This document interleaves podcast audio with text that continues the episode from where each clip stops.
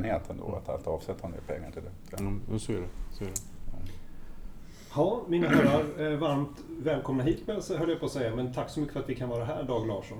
Tack själv. Och tack så mycket för att du kunde komma, Dag Larsson. Ja, tack själv. Och jag inser lite grann nu vad jag har satt mig i för situation här, kära lyssnare. Varmt välkomna till Co-Creations podcast Örat mot rälsen. Och det är ju så att eh, vi har två Dag Larsson och för att eh, på något sätt kunna särskilja det här så har vi eh, Dag Larsson eh, som har en liten Stockholmsdialekt kanske.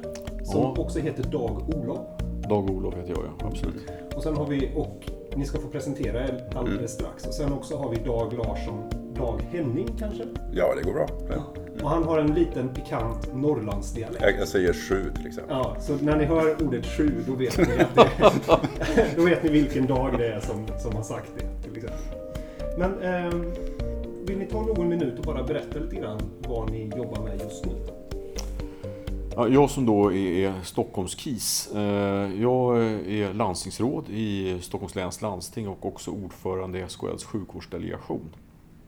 Så att det är sjukvård både i Stockholmsregionen och sjukvård även nationell nivå som jag håller på med. Mm. Och du kommer direkt ur budgetarbete. Ja, vi har haft budgetmöte eh, här i Stockholmslandstinget så att eh, nu är jag lite mör. Mm. Och jag eh, jobbar på Läkemedelsindustriföreningen som är branschorganisationen för de forskande läkemedelsföretagen. Och jag jobbar bland annat med, eh, med landstingsfrågor kan man säga, med vårt regionala kontaktyta. Så, så att jag har mycket interaktioner med eh, framförallt eh, personerna personer i förvaltningen runt omkring läkemedelsfrågor. Men, eh, ja. Ja.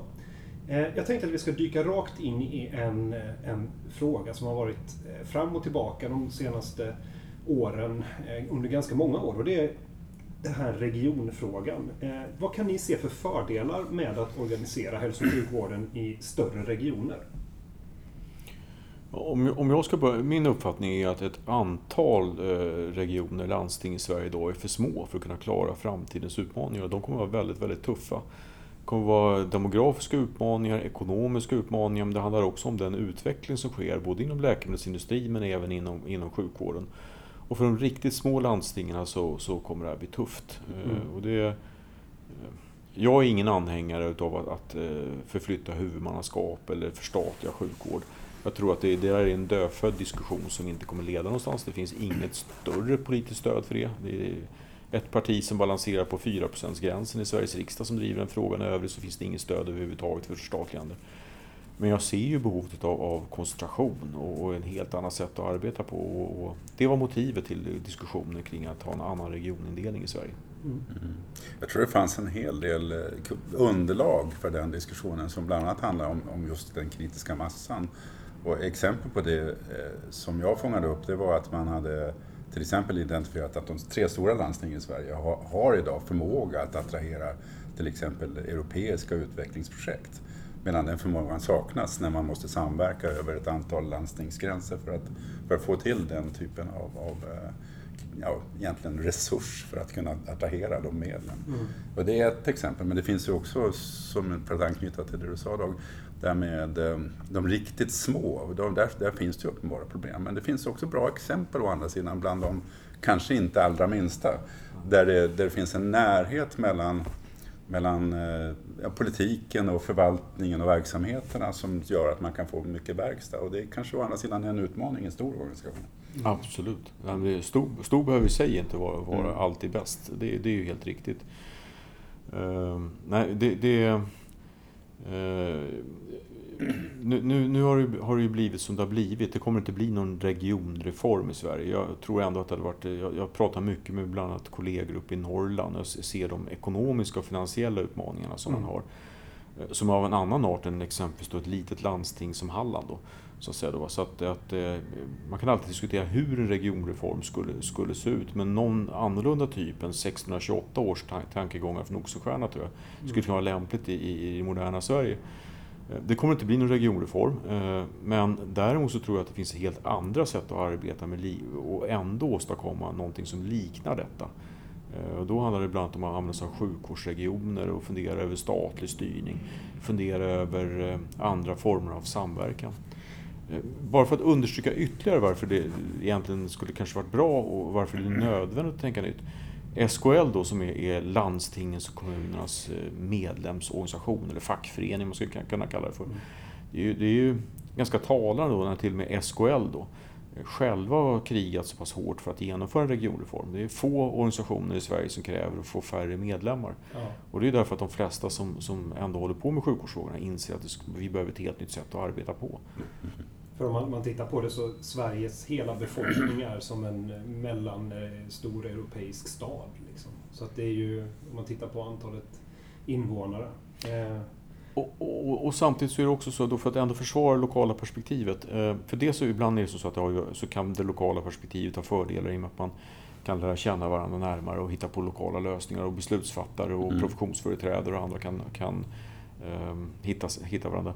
Jag vill ändå försvara en lokal anknytning på det sättet också att Sverige ser så extremt olika ut. Mm. Så det är en helt annan sak att bedriva sjukvård på, i Stockholms innerstad än vad det är att bedriva sjukvård i Norrlands inland. Mm. Och det gör också att det här är en balansgång. För det är klart att du måste ju hitta sätt så att man kan organisera vården utifrån de lokala förutsättningar som faktiskt finns. I våra möten ute i landet så tycker jag att jag ser att det har fångats upp en del goda tankar från den här regiondiskussionen som, som på något sätt har lett till en, en utvecklat samarbete bland annat inom läkemedelsfrågorna som jag då berör. Va? Så att man ser inom Uppsala och Örebro-regionen hur, hur sju landsting nu arbetar närmare varandra, eller för den delen i, i norr också. Eh, så att det finns ju, det har kommit något gott utav den här, den här diskussionen och jag hoppas att det kan komma mer. Mm. Just den typen av förändring som skulle kunna varit en uppsida i en omritad karta. Ni har ju i princip besvarat min nästa tankegång vad det finns för nackdelar att gå mot större regioner. Men jag vill också utmana lite grann. Om man tittar på London till exempel så är det ju stora variationer i befolkningen i, i en söderort någonstans i London och centrala London. Så det finns ju demografiska stora variationer i, i städer också om man nu skulle jämföra. Men, eh, du behöver inte ens gå till London, det räcker. Jag var i morse och besökte en vårdcentral i Akalla uppe i Järvatrakten i nordvästra Stockholm och prata med personalen där på vårdcentralen om hur de hanterar hälsoutmaningarna i ett oerhört invandrartätt område. Där medellivslängden är mycket, mycket lägre än vad den är bland resten av befolkningen. Och, och sen, samtidigt då så ikväll så kommer jag åka hem till mitt Södermalm där livsvillkoren är helt annorlunda än vad de är på Järvafältet. Så att även i Stockholm och Göteborg så, och Malmö så finns det enorma skillnader på bara några få kilometers håll. Absolut, visst är det så. Mm. Mm. Jag är ju väldigt mån om eh, att man eh, hanterar varenda skattekrona på ett eh, optimalt sätt. Sådär. Det är något jag brinner för. Och jag blir så glad när jag ser många initiativ. Jag tycker det är underbart att vi har en hälso och sjukvård i världsklass. Det är jag stolt över som skattebetalare. Men fungerar landstingens självstyre idag? Har vi liksom vassa beslutsorgan i varje landsting? Eller hur ser ni på den? Det där är ju väldigt svårt att göra en objektiv bedömning på därför att det, eh, det, dels har det att göra med vilka politiska preferenser man har om man nu ska bedöma vad som är bra och dålig mm. vård. Det är lätt att man glider in i detta. Jag kan väl säga så här att det finns eh, intressanta studier både från Socialstyrelsen och från SKL där man har tittat på kvalitetsparametrar. Mm. Eh, och de är spännande. Och då kan man ju se så här att det finns några landsting som lyckas bättre när det handlar om att upprätthålla hög kvalitet till rimliga kostnader. Och det är mm. landsting från bägge de politiska sfärerna. Och jag skulle, om jag ska nämna några landsting i Sverige som jag tycker är riktigt välskötta. Och då så tar jag inte ställning till i alla lägen om de har rätt politisk ledning. Jag tycker att några av dem dessutom har fel politisk ledning. Men, men jag tycker att, att eh, Halland, Jönköping, eh, Östergötland och, och Kalmar är extremt välskötta landsting. Mm. De får väldigt höga kvalitetsmått har mycket hög tillgänglighet eh, och till rimliga priser dessutom också. Mm. Så att det, andra landsting skulle gott kunna lära av de där fyra. Och då är det lämpligtvis då att det, två av dem är rödgrönt, eller leds av sossar och, och två av moderater i, i, i ledning så att säga. Då. Mm. Så att, eh, det, det, bägge politiska blocken kan lyckas med att göra bra sjukvård, absolut. Mm. Jag tycker det finns spännande insikter i att titta på de här jämförelserna och det, det har ju uppenbarligen också varit mycket värde i att jämföra. Att, att publicera öppna jämförelser som man har haft något att förhålla sig till i, i sitt förbättrings, förbättringsarbete. Samtidigt som vi uppfattar ju att det finns ganska stora trögheter, den aktuella diskussionen om följsamhet till kunskapsstöd som nu har mm. alldeles nyligen lämnats en rapport, eller en, en, ett betänkande om Men, men jag har andra exempel som jag kan ta. Det, det, det är på något sätt en intressant skillnad i, i relation till din fråga Kristoffer, mellan Västmanland och Gävleborg. Det är lika många människor, lika många träd, det finns en stor stad, det finns ungefär samma ekonomi. Men det är väldigt olika utfall. I, och, och då kan man ju fundera på varför. Det måste ju vara en ledningsfråga på något sätt. Mm. Och sen, jag slutar aldrig förbluffas över hur mycket några stjärnor på tjänstemannasidan kan göra. Mm. Har du fem stjärnor i ett landsting som bara är duktiga ledare, är duktiga innovatörer, är duktiga ja, men, så kan det göra en stor skillnad att mm. få med sig alla till att göra det som politiken har beslutat. Mm. Jag tror att mitt exempel kanske till en del kan förklaras av sådana såna mm. faktorer. Ja, men eldsjälar, intraprenörer som verkligen mm. gör stor skillnad. Eh, Göran Stiernstedts utredning nu och Anna Nergårds förslag eh, pekar ju på en utbyggnad av primärvården som en möjlighet. Har ni några tankar kring det? Jag tror att det är helt nödvändigt. Och, mm. eh, jag tror att vi, osett egentligen så, så, politiska bataljer och allt annat, så tror jag att den rena demografiska utmaningen kommer att tvinga oss i, i den riktningen. Vi står inför för eh, väldigt, väldigt stora utmaningar framöver när det handlar om försörjningskvoten, det vill säga hur många som, som betalar in skatt och hur många som så att säga behöver välfärdssamhället för att man är gammal eller för att man är ung och sådana saker. Eller för att man är sjuk, för den delen också. Och då måste vi fundera på hur vi kan organisera vården för att hantera den typen av utmaningar. Och antingen kan vi lägga pengarna på dyr och kostsam sjukhusvård eller så kan vi lägga de resurser vi har på eh, primärvården och kanske också dessutom förtydliga att primärvårdens uppdrag är att arbeta mycket mer förebyggande. Kan man eh, eh, försena insjuknandet i diabetes eller hjärt och kärlsjukdomar så kommer oerhörda resurser att kunna sparas som gör att den här finansieringen ändå kan gå ihop.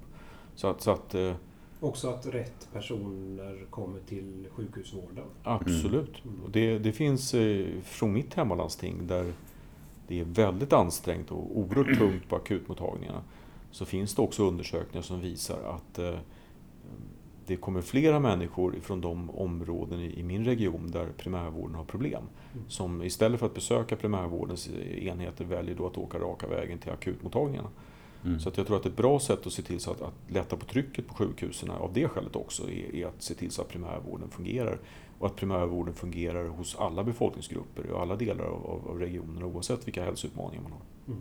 Utifrån mitt perspektiv då som i, i mitt jobb så ser jag att det finns jag håller helt med om att det finns eh, nästan en nödvändighet att, att primärvården stärks. stärks. Så det är, väl, det är väl i och för sig en intressant reflektion över att man ska behöva utreda en utredning, för de här förslagen har ju redan lagts. Så, så att, eh, och, och, det är väl kanske ett problem i sig att vi, vi, vi liksom producerar papper och inte, inte verkstad riktigt. Men, och verkstaden finns kanske då i landstingens ansvarsområde och inte i statliga utredningar. Men, men eh, jag, jag tror att vi ett, en utmaning som, som vi fångar upp med, alltså som relaterar till eh, liksom god läkemedelsanvändning, läkemedelsanvändning som leder till kontinuitet och till att man har tillgång till det egentliga värde som läkemedlet det, det är ju kontinuiteten i, i vårdkontakten. Och där, där är det en utmaning att man, man har varit till, till sin husläkare och blivit remitterad någonstans så finns det ju liksom ingen som tar tillbaka sen. Utan det är bara om man själv väljer att gå tillbaka till doktorn. Och då är det inte säkert att man får träffa samma doktor. Så det, det är en fråga som jag är nyfiken på hur man ska kunna komma åt. Och där tror jag vi alla alltså samhällsmedborgare behöver liksom bidra till det hela på något sätt. Det finns ju de här eh, vårdcentralerna på nätet nu. Mm. Eh, som, eh, som det har varit en del skriverier om det senaste och diskussioner. Vad, vad har ni för syn på, på formateringen nu och vad kan man göra framgent? Jag tycker det är fantastiskt egentligen. Det är, Eh, den nya tekniken kommer att hjälpa oss på en väldig massa olika sätt och det är klart att, att idén om att du kan ta fram din telefon och, och så kan du prata med telefonen och, eller med doktorn via telefonen då, prata med telefonen kan man göra, men prata med doktorn via telefonen och, och komma i eh, så att säga, direktkontakt eh, kommer att öka tillgängligheten på, på ett väldigt, väldigt bra sätt. Så att i grunden är det positivt.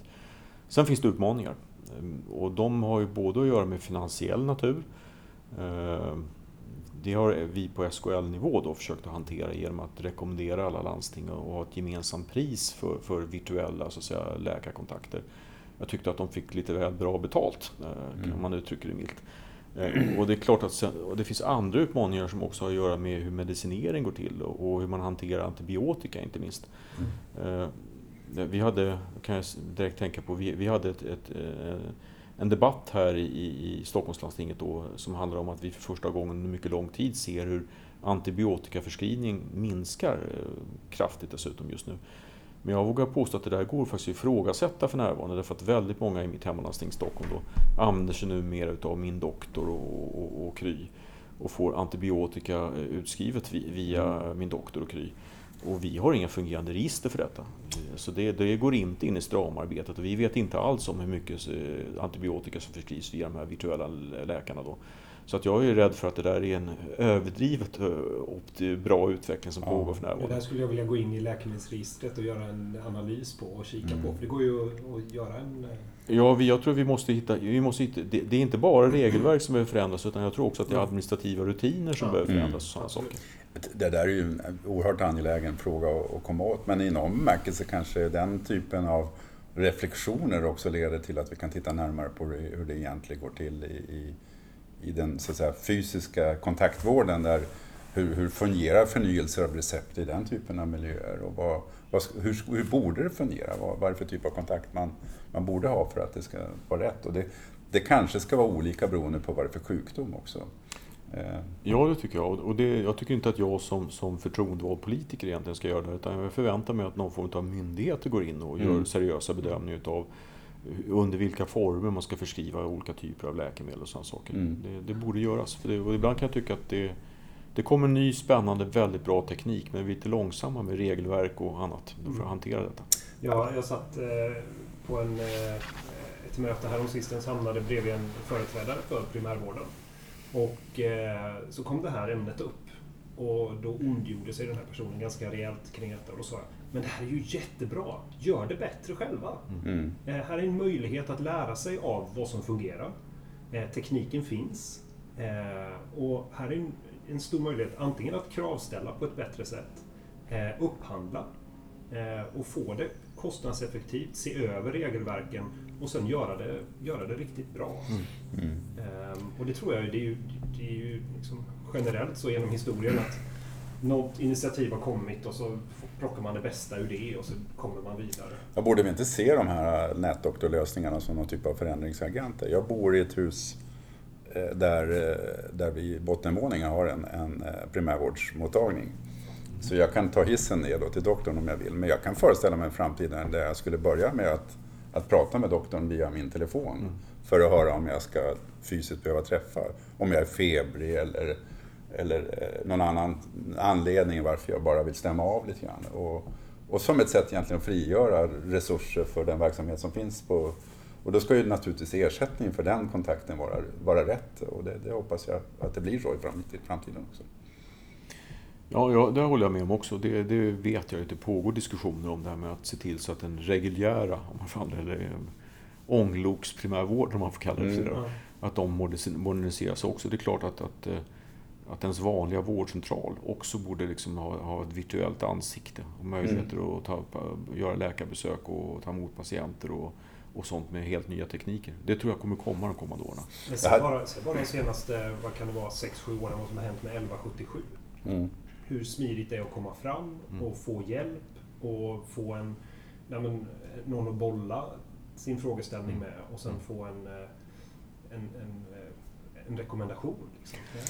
Vi har ju hört farhågor runt omkring den här typen av, av doktormöjligheter från, från de glesbygdsområden i Sverige, att det här skulle dränera då landstingspengar som hamnar någon annanstans, i, i, antingen i just de här doktorföretagen eller i något annat landsting. Då. Men, men jag ser, ser en annan möjlighet, att, att en doktor då i, i, i någon mindre ort skulle kunna jobba deltid med, med fysiska kontakter med patienterna på hemmaplan och en deltid eh, med, med den här typen av kontakter. Eh, och kanske i hela landstinget eller utanför landstingsgränserna också. Och därigenom bli, få, en, få en möjlighet att bo kvar där. Ja, ja, hur som så tror jag att det är, liksom, det är en omöjlighet att stoppa utvecklingen. Det, tekniken mm. finns där och det, mm. folk kommer alltid hitta sätt. Så jag, jag tror inte det rätta är att försöka stoppa det där utan snarare se till så att det blir organiserat på rätt sätt. Jag, vill ändå, jag tycker ändå i och för sig då att, att primärvårdsläkarna har, har en poäng eh, som jag mm. tycker är viktig att understryka och som jag tror att man behöver och fundera mer på. Det är det här med att organisera primärvården så att den känns mer trygg och, så, och att man bygger upp en patientrelation och en Mm. kontinuitet. Mm. För det behöver vi ha. Mm. Eh, Och då är det klart att, att ska man ha det och för att undvika trycket på de stora sjukhusen då, då måste även den vanliga primärvården ha andra sätt att kunna kommunicera med sina patienter på. Och det kommer att göra att jag tror att de flesta, helt övervägande delen av, befolkningen kommer ju vilja prata med den doktor eller den sjuksköterska Mm. man normalt sett träffar. Mm. Det borde ju också, jag håller helt med, det borde ju också ge större förutsättningar för, för goda behandlingsresultat och det är det vi vill ha. Mm. Oavsett vilken, vilken intressent man, man är så är det, det måste vara det som är det gemensamma målet. va. Vi, vi ska ta en liten paus här, men vi är alldeles eh, strax tillbaka.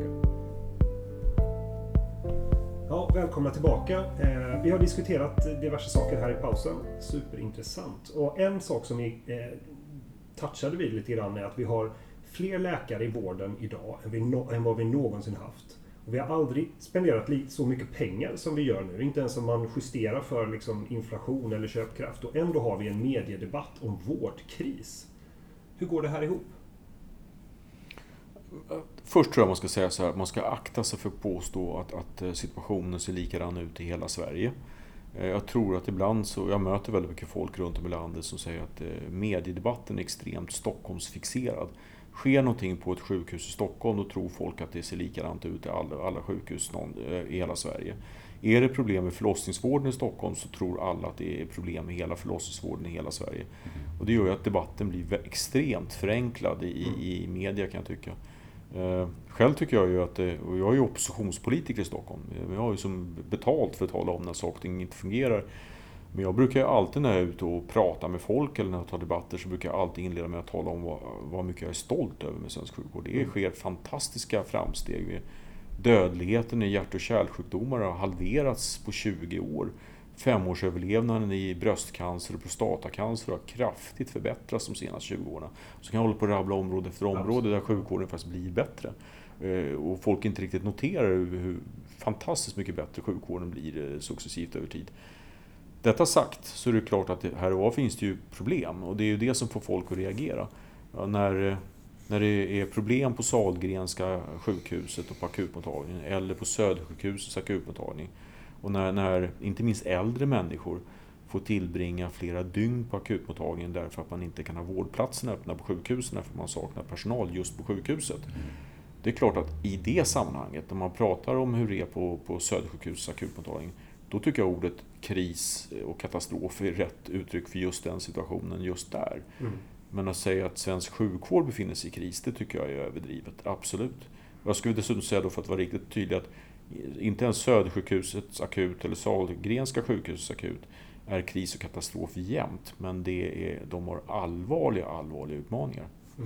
Vi, har ju den, vi nämnde tidigare de här demografiska förändringarna med försörjningskvot och, och, och som, där vi ser en framtid och det har ju även SKL varit tydliga med att, att liksom visa upp en sån. Men där, där finns det ju ytterligare en, en, ett förändringstryck som behöver, det kom, kommer att komma till, till den här situationen vi befinner oss i idag. Och, och det, det, jag tror ju att en del, vi, läkemedelsföretagen är ju också till en del skyldiga till det här därför att vi emellanåt och erbjuder den här typen av, av eh, förlängda cancerbehandlingar till exempel för, för att en, en andel av patienter med maligna melanom ska kunna överleva. Och det le- leder ju till att det driver också sjukvårdskonsumtion eh, som exempel. Och då måste vi ha en, liksom en bra diskussion om hur vi ska hantera den typen av möjligheter.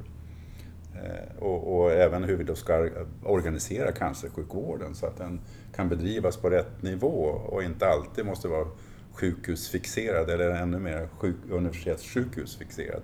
Det kanske kan vara universitetssjukvårdskvalitet på vården men den kan bedrivas på olika nivåer. Eh, Och där Dag är ju en av de stora utmaningarna, absolut. I och med att eh, sjukvården trots allt blir bättre, i och med att vi får bättre läkemedel och sådana saker, så kommer folk att överleva längre med Mm. allvarliga sjukdomstillstånd eh, latent, om inte minst. Och det är klart att då måste, det bör man ju fundera på hur man organiserar en vård för människor som är kroniskt sjuka eller långvarigt sjuka men som ändå har ett bra liv på något Mm, sätt ja. och som inte avlider då. Eh, Det, krävs ett nytänkande på det området. Och då handlar det också, jag tror den stora utmaningen blir att för sjukvården har ganska sammantaget sett ganska mycket resurser men den stora utmaningen blir just att diskutera hur man använder resurserna. Mm. Hur man kan flytta runt resurserna in i systemet. Och det är inte helt lätt. Nej. Mm. jag kan ta, och det har delvis bara, det har ändå med cancersjukvård att göra. Det pågår ett väldigt, väldigt framgångsrikt arbete inom att organisera om svensk cancersjukvård. Både när det handlar om de strukturerade vårdförloppen, som jag tycker mm. är en framgångssaga, man kortar vårdtiderna. Mm. Men också när det handlar om nivåstruktureringen in, inom cancersjukvården. Det sker otroligt mycket bra saker. Trots att vi har 21 regioner så lyckas man prata ihop sig. Och, och där är det ju eh, där har man ju lyckats tack vare att man har ett samspel mellan politikerna, de förtroendevalda och professionen. Och kanske till en del också lite statliga förändringspengar som kommer i som, som, till de här som, vårdförloppen som, som underlättar den omställningen. Som underlättar omställningen. jag tror att man kan mm. lära av det området mm. och göra motsvarande förändringar i resten av sjukvården.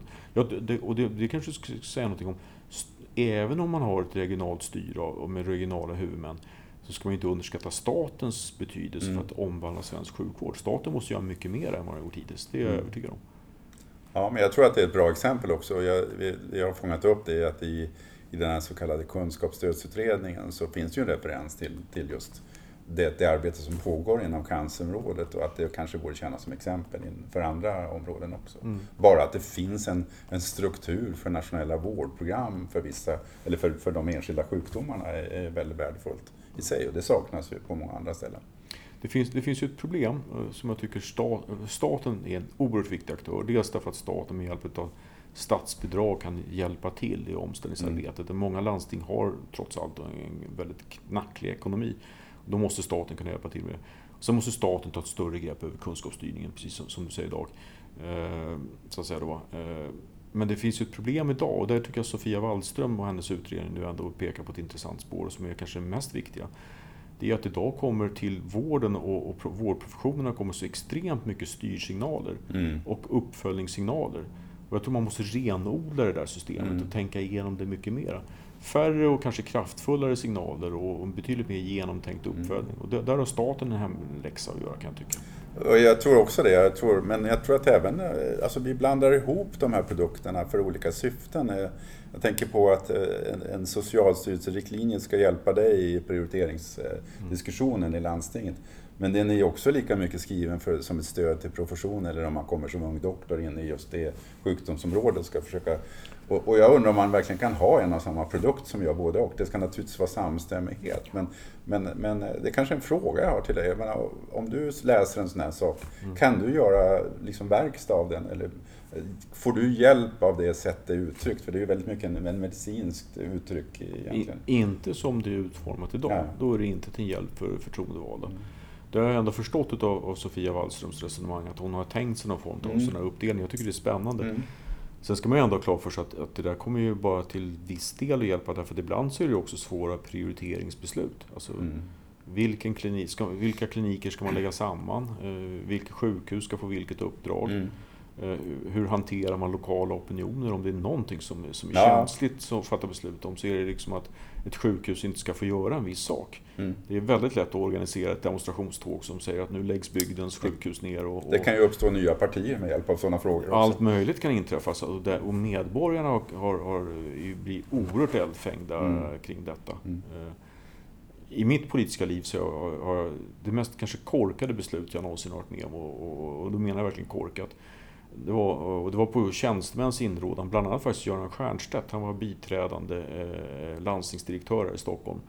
Och, och, jag var med och styrde då. Och, eh, då kom man fram till tanken att vi hade för, för många akutmottagningar i Stockholm. Mm -hmm. Så vi skulle eh, slå igen två stycken akutmottagningar. Det skulle bli, leda till mycket bättre vård och, och sådana saker. Och eh, då skulle vi slå igen akutmottagningen i Södertälje sjukhus, Norrtälje sjukhus. Och jag har aldrig blivit så utskälld någon gång i hela mitt liv. Och jag och mina kollegor. Vi blev ju jagade. Eh, folk stod utanför landstingshuset.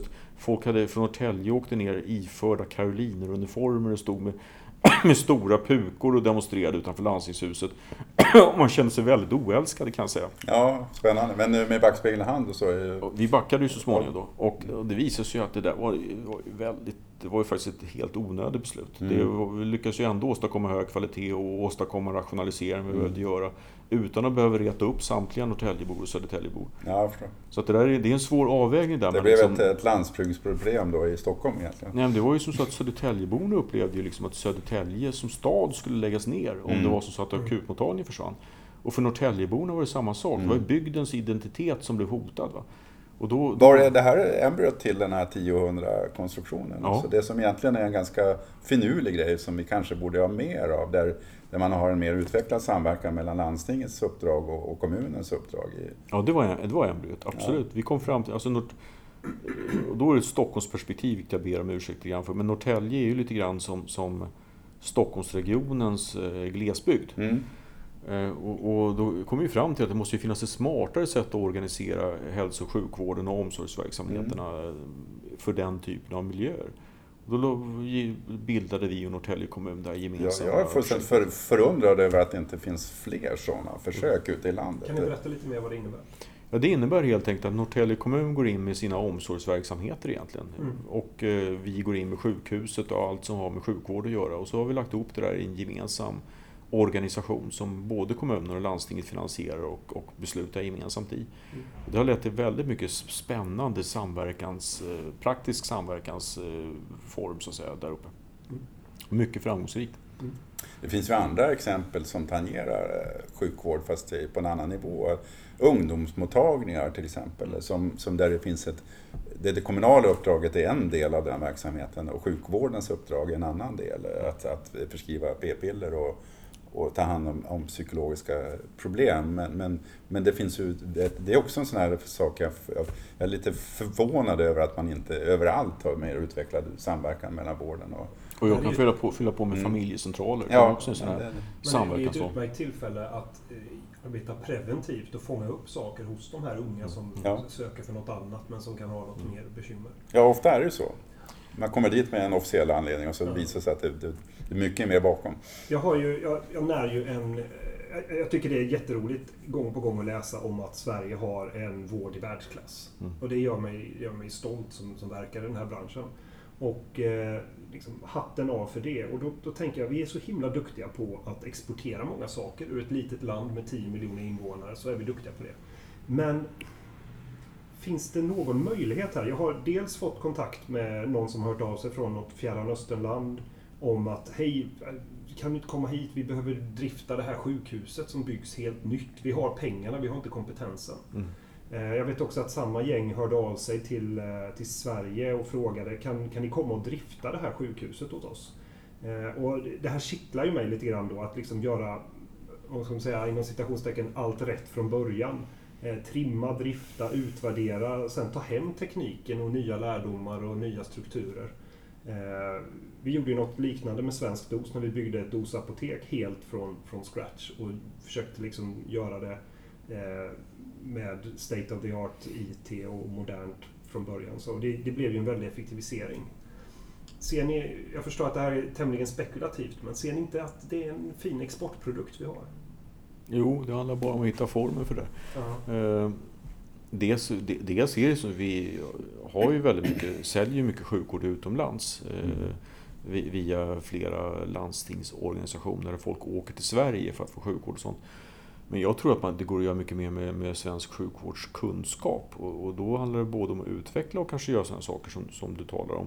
Eh, jag skulle vilja, att, att det här har jag sagt till sjukvårdsministern också, eh, jag skulle vilja att staten skulle ta på sig ett ansvar för att starta någon form av statligt organiserad högskole ut, eller utbildningsakademi för sjukhus och sjukvårdsledare som, som funderar, som, som håller på med sjukvårdsadministration och sjukhuslederi och sjukhussystemstänk och sådana saker. Mm. Jag tror att det skulle dels faktiskt fylla nytta för regionerna. Det är svårt att hitta eh, sjukhusledningar som är proffs på att leda sjukhus och hitta den typen av kompetens. Och det har helt avgörande funktioner och effekt på om sjukhusen faktiskt ska fungera och vara bra. Så jag tycker att det där borde man försöka styra upp lite grann. Och jag tror att om man också hade den här typen av mer sammanhållet nationellt grepp över sjukhusledare så att säga. Det är klart att då skulle man ju också kunna fundera på hur man skulle kunna exportera den där typen av, av, mm. kunskap runt om i världen. Det finns ju ett par exempel. Det var en, en, eh, en landstings eller regiondirektör från eh, Västra Götaland som nyligen mm. bytte till att, att jobba som, som eh, ledare i en organisation för att bygga upp ett nytt sjukhus i, någonstans i arabvärlden. Och jag kände till ett annat exempel på en, en av, en tidigare sjukhusdirektör som, som jobbar som rådgivare till hälso och sjukvårdsministern i Serbien. Mm, och, och det fin- men det är ju bara enstaka exempel. Det finns ju en, en, en organisation, en stiftelse som heter Swecare som sysslar just med den här frågan. Nu råkar det vara så att de, de är sambo med oss på Sveavägen. Mm. Eh, och det är ju en, en, en halvstatlig stiftelse där staten går in med en del av medlen. Sen finns det medlemsorganisationer och så finns det några partners, de som var med och, och drog igång det här för en, en gång i tiden. Så de, de delar på finansieringen. Det är relativt blygsam verksamhet men, men de, har, de visar flera exempel på hur de just sysslar med det här. Mm. Och det kan ju handla om att även svenska mindre bioteknikföretag eller medicinteknikföretag får möjlighet att, att sälja in sina tjänster eller produkter i, i andra delar av världen till att, att det kan vara den här typen av sorts ledarskaps eller organisationsmodeller som man kan...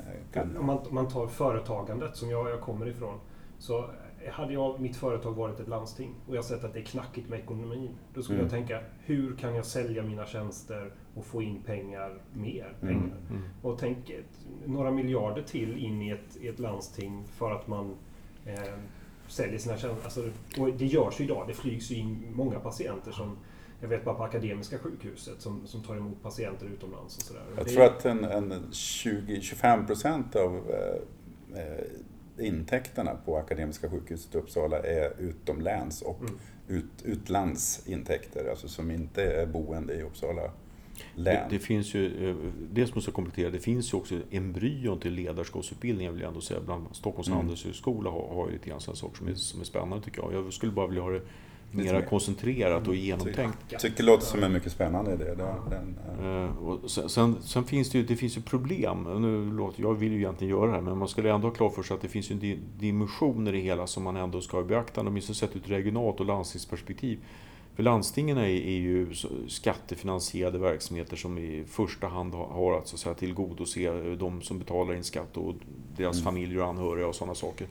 Deras rätt till vård så att säga. Och alltid när man använder sjukvårdens resurser till någonting annat än själva huvuduppdraget som är då att, att tillhandahålla god vård till regionens medborgare så kan man ju få diskussionen om att hur kan det komma så att ni låter stenrika människor från arabvärlden komma in och få, få de här högspecialiserade operationerna när vi samtidigt har köer i vården. Mm.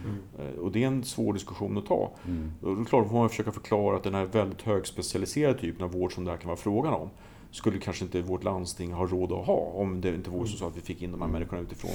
Men pedagogiskt så är det ju en stor svårighet och därför mm. så är jag inte så övertygad om att, att en eh, tjänsteexport av det här slaget att det skulle organiseras av landstingen. Däremot så tror jag att staten eh, och, Sverige som nation skulle, försöka organisera den här typen av, kunskapsexport och vara inblandade och hjälpa företag och bygga upp den här typen av verksamheter. Mm.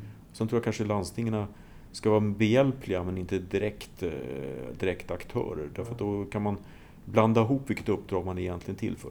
Det finns ju flera organisationer som är inne och, och touchar detta. Business Sweden till mm. exempel, mm. Export, tidigare Exportrådet och sådär. Det, eh, det görs en del men jag skulle bara... Eh, om inte vi gör det, mm. då kommer någon annan göra det. Absolut. Mm. Och, och ska vi ha råd framåt här att ha en så pass eh, god eh, ekonomi i vårt rike och så på god sjukvård så måste vi ju ta tillvara och göra smarta, smarta val. Mm. Mm. Vi ser nu ett antal öst, länder i öst som, som har möjligheten att bygga eh, sin sjukvård och sin eh, infrastruktur och sin digitala struktur eh, från scratch. Och bygga kanske ett öppet datalager där man kan ha ett levande journalsystem där det hela tiden är det senaste och man mm. inte sitter mm. fast i 17 år med ett system. Mm. Eh, och sådär. Och det, det är ju, vi har möjlighet att, att göra någonting men då måste vi agera ganska snabbt. Mm. Och jag, jag, jag, det gör ju ont att tänka på tanken att vi blir omsprungna. Eh, mm. Och särskilt då när jag ser många eh, entreprenörer som blickar nu ut att ja, men, om jag ska lyckas med det här så kan jag inte göra det i Sverige. För mm. det finns liksom inga integrationsmöjligheter till svensk vård. Utan jag blickar utomlands och då mm. tappar vi den. Tänk om man kunde vända det istället till att eh, entreprenörerna kommer till Sverige för att utveckla vården. Mm. Mm. Nej, jag, jag tycker det, och det bör göras. Jag, men jag tycker att staten ska ha, och, och näringsdepartement och, och andra sådana stor, nationella näringslivsorganisationer ska ha ledarpinnen i detta arbete. Sen måste sjukvården vara öppen och vilja samverka eh, med de här aktörerna. Det är oerhört viktigt. Jag är mer, tyck, tycker dock att eh, om man nu skulle leka med tanken att, att Stockholms läns landsting skulle ge sig på att, att exportera så att säga, och organisera upp sjukvård i Baltikum för att ta ett exempel. Då. Mm. Så, så, tror jag att det skulle bli fel därför att, att eh, huvudfokus för, för landstingsorganisationen i Stockholm måste ligga på medborgarna i Stockholmsregionen hantera de utmaningar man har här. Sen så är det minst en lika, ursäkta, en lika viktig uppgift för landstinget i Stockholm, för att ta det som exempel då, att, eh, att hjälpa till med, med tillväxt och, och med, av, av nytt näringsliv. Mm. Att, att vara, vara med och, och, och, skapa miljöer och samarbetsmöjligheter med, med nyföretagande. även inom vårdområdet, absolut. Och som sin tur har, har som uppgift att exportera kunskaper och andra saker inom sjukvårdssidan. Mm. Och där, ja. det handlar om att tänka lite hur man organiserar det. Ja, två reflektioner här. Dels så skulle man kunna tänka sig en benchmark. Vi har ju en, I den allmänna diskussionen så tycks det ju vara uppfattningen att, att vi, vi tillverkar ju inga läkemedel i Sverige längre. Men det, det är faktiskt inte sant utan den verksamheten har ju utvecklats under den senaste tiden och dessutom utvecklats till att bli mer högteknologisk, det vill säga mera högre utbildningsgrad och andra typer av tjänster eh, och, och det med bioteknologi och annat som kommer in i bilden. Och, och, den verksamheten, bara som en benchmark, som skulle kunna vara en intressant sak att försöka uppnå med, med vårdtjänsteproduktion eller export, det är ju att vi, vi bidrar till handelsbalansen med, med 34 miljarder kronor från, från läkemedelstillverkning i Sverige. Det, det är det nog få människor som har, har koll på. Mm. Det är en ganska väsentligt tillskott till vår eh, samlade handelsbalans. Eh, och den andra tanken jag hade var att man eh, för att kunna göra det här så, så behöver vi också ha liksom en utvecklingsorienterad vård, en, en vård som bedriver forskning. Ja. Och det är ju en utmaning i sig i, i den här miljön eller verkligheten som vi, som vi har diskuterat lite grann om, om hur, hur vardagen ser ut i vården med personalfrågor och annat. Va? Det... Där, där har ju regioner och landsting ett, ett ansvar för att organisera vården och vårdens ersättningssystem så att eh, att eh, forskning, eh, samverkan med industrin och annat mm. är möjlig. Och det, det, finns ju både bra och dåliga exempel på detta. Så att säga. Mm. Jag, ska inte, jag vill inte prata vårdval för mycket, men jag tar ett exempel här i Stockholm. Och, och, och vi har, jag har ju hört väldigt mycket kritik ifrån Eh, hudprofessorer och andra i verksamheten i det området för hur sjukvården är organiserad på det området i Stockholmsregionen. Därför att det har försvårat för kliniska prövningar och, och samverkan med industrin därför att man har slagit sönder enheterna mm. i för små enheter. Och, det, och det, det, finns säkert bra och dåliga exempel eh, på andra håll och kanter i landet också. Det är viktigt att man tänker efter när man organiserar vården i, i regionerna. Att, att hur ska man kunna hantera forskningsutmaningen, mm. eh, samverkansutmaningen med näringslivet, vidareutbildnings och kompetensförsörjningsutmaningar och sådana saker. Det är, det är komplexa system. Mm. Och där man ibland måste orka tänka lite mer än bara kortsiktigt budgetår utan tänka också lite grann, lite, de, kanske över decennier hur vården ska vara organiserad. Mm. Det är en annan fråga Dag som jag tycker du, du tangerar här som är väldigt angelägen. Eh, om man ska se det här, det är långsiktigheten och, och eh, kunna förmå skilja sig från budgetåren. Eh, men, men tillbaka till forskningsfrågorna. Jag, jag tror att det här handlar inte för mig bara om kliniska läkemedelsstudier utan det handlar ju egentligen om en forskande vård som bedriver klinisk forskning eller, mm. eller på andra sätt är engagerad i forskningsfrågorna. För det blir ju, tror jag, alltså vårdens utvecklingsavdelning. Mm. Och den behöver ju på något sätt, så det är väldigt tilltalande om, om man resonerar då runt omkring hur, hur ersättningar kan, kan skruvas så att man också får möjlighet att göra sånt här. Va? Det, för hur det än är så, så att oavsett vilken ersättningsmodell man har, om det är anslag eller om det är någon, någon, typ av rörlig ersättning. Eller, så finns det ju inga perfekta modeller utan man måste ju anpassa till vad man vill försöka åstadkomma. Absolut. absolut. Och kompetensen, alltså forskarkompetensen finns ju. Det är väl mångt och mycket att många kliniker sitter fast i organisation och, ja. och drift av, av mm. vård som, som gör att det forskas lite mindre eh, nu. Jag tror det, det, jag kopplar, och då blir det en helt annan, för jag tror inte bara det här har att göra med forskningens förutsättningar eller, eller näringslivsdelen av sjukvårdens förutsättningar. Jag tror faktiskt också att det har att göra med hur vården ska kunna vara en attraktiv arbetsgivare i framtiden. Mm. Jag satt då i morse då och pratade med folks anställda på Akalla eh, vårdcentral och beskrev sin situation. Och med, väldigt hög eh, personalrörlighet, Mm. total, mycket stort beroende av bemanningsföretag och sådana saker. Och då var det en sjuksköterska som satt och berättade om sin situation där. Att hon i och för sig tyckte att hon gjorde ett väldigt bra arbete och, tyckte om medborgarna i området, tyckte det var en spännande utmaning. Men hon uttryckte en enorm frustration över att det inte fanns något som helst praktiskt möj möjlighet för henne att kunna utvecklas i yrket. Mm. Att kunna lära sig nya saker, Mm. att kunna specialstudera något område överhuvudtaget. Utan Mm. det var hela tiden väldigt snabba insatser för saker och ting som poppade upp och det fanns inget utrymme för, för så att säga, utvecklingsbiten i hennes profession. Mm. Och på den vårdcentralen just nu i alla fall. Och jag tror att ska man locka folk till sjukvården i framtiden då måste man ju inse att- människor, de flesta i alla fall, är kreativa och vill lära sig Mm. nya saker. Och då måste man skapa ett utrymme för, för utveckling. Mm. Kanske inte alltid kommer kunna betala mest som, som eh, vårdgivare och jämfört med andra sektorer i samhället. Men du måste ju i sådana fall då, då är det ännu viktigare att skapa en kreativ miljö där du kan utvecklas i yrket. Ja. Ja, jag, tror, jag har ju jobbat i stora bolag internationellt och då pratar man ibland om job enrichment istället för career development. va. Och jag tror att det är precis det här du beskriver, att, det, att hitta ett sätt att utveckla innehållet i den uppgift man och därigenom göra, göra jobbet attraktivt. Ja, alltså, jag vill runda av så smått här och tacka så mycket. Eh, tiden går ju väldigt fort när det är Mm. intressant och spännande. Eh, kära lyssnare, när ni kommer på och har idéer om vad vi ska ta upp framgent så är det bara att ni hör av er som ni brukar göra. Det är alltid intressant med era inspel. Eh, nu så är det snart Almedalen och där kommer det vara en hel del diskussioner kring samverkan vilket vi på Co-Creation Health Group tycker är superkul för det är precis det som är ett av våra, våra missioner att eh, få samverkan i ännu högre grad mellan alla aktörer inom hälso och sjukvårdsområdet. Eh,